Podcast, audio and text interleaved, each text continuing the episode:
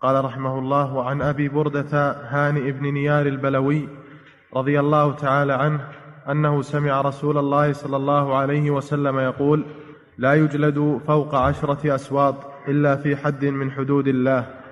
انتهى من باب الحدود انتقل إلى التعزير إلى التعزير. التعزير هو التأديب هو التأديب في كل معصية ليس فيها حد ليس فيها حد ولا كفارة. كل معصية ليس فيها حد مقدر من الشرع وليس فيها كفارة ففيها التعزير. ولا يترك العصاة يسرحون ويمرحون بل لا بد من العقوبة. إما بالحد إن كان هناك حد أو العقوبة بالتعزير حتى يرتدع الناس. فالتعزير هو التأديب وهو في كل معصية تأديب التأديب في كل معصية ليس فيها حد وليس فيها كفارة. أما ما فيه حد فيكفي الحد وما فيه كفارة تكفي الكفارة فيه. ويطلق التعزير على التوقير فهو من الم... فهو من الأشياء الم... التي يسمونها مضاد لغوي. يطلق على معنيين متغايرين من باب الأضداد يسمونه باب الأضداد. أن يستعمل اللفظ الواحد لمعنيين متضادين ومن ذلك التعزير يطلق ويراد به التأديب كما هنا ويطلق ويراد به التعزير لتؤمنوا بالله ورسوله وتعزروه تعزروا الرسول صلى الله عليه وسلم. بما ما معنى تعزروه؟ تؤدبوه؟ لا معنى تعزروه توقروه. فالذين آمنوا به وعزروه ونصروه يعني عزروه وقروه واحترموه عليه الصلاة والسلام. فهذا من الأضداد. وفي هذا الحديث أن النبي صلى الله عليه وسلم قال لا يجلد فوق عشرة أسواط إلا في حد من حدود الله. لو أخذنا بظاهره لقلنا إن التعزير لا يجوز أن يرفع عن عشرة أسواط إلا في الأشياء التي حددها الله. كالزنا والقذف هذه يجلد فيها الحد. ولكن العلماء رحمهم الله لهم مواقف من هذا الحديث. منهم من يقول لا يجلد فوق عشرة أسواط إلا في حد يعني في معصية. المراد بالحد هنا المعصية.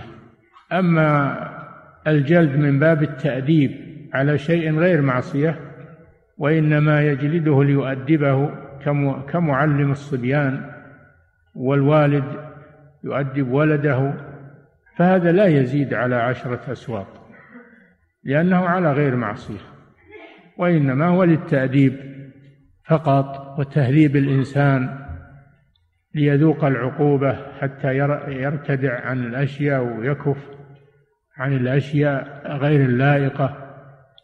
فإذا كان التعزير على شيء غير معصية وإنما هو على شيء خلاف الأولى على شيء خلاف الأولى في التصرفات فهذا يؤدب لكن لا يزاد على عشرة أسواط. أما إذا كان على معصية فيزاد على عشرة أسواط بحسب ما يردع إلا أنه لا يبلغ به الحدود يكون أقل من الحدود.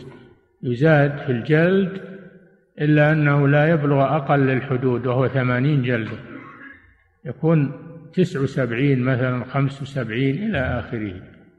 هذا قوله الذي اختاره الإمام ابن القيم وجماعة أن المراد إلا في حد من حدود الله يعني في معصية.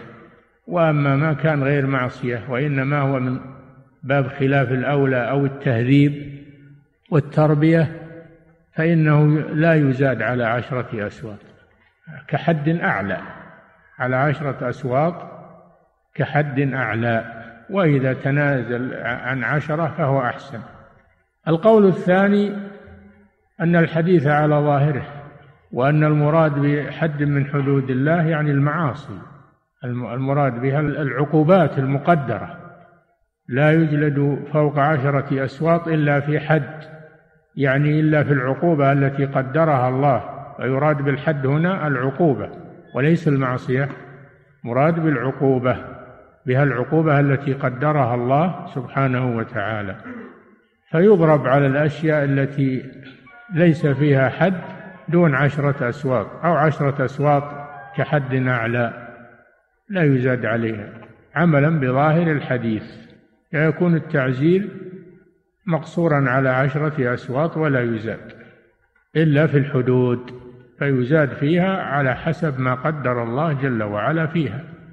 والقول الأول هو القول الراجح أن المراد بالجلد على الأشياء التي ليست من المعاصي وإنما هي من خلاف الأولى أو التهذيب أو التربية.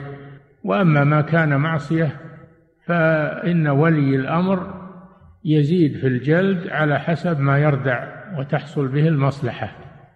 والتعزير يختلف التعزير يختلف منه ما يكفي فيه الكلام والتعنيف ومنه ما يحصل بإخراجه من المجلس طرده من المجلس ومنه ما يحصل بالهجر وترك الكلام معه. تعزير. ومنه ما يحصل بالضرب ومنه ما يحصل بالفصل من الوظيفة إلى آخره.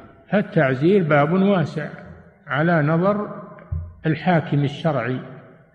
القاضي على نظر القاضي هو الذي يقدر التعزير بحسب ما يردع في الجريمة وهذا هو القول الصحيح إن شاء الله. نعم.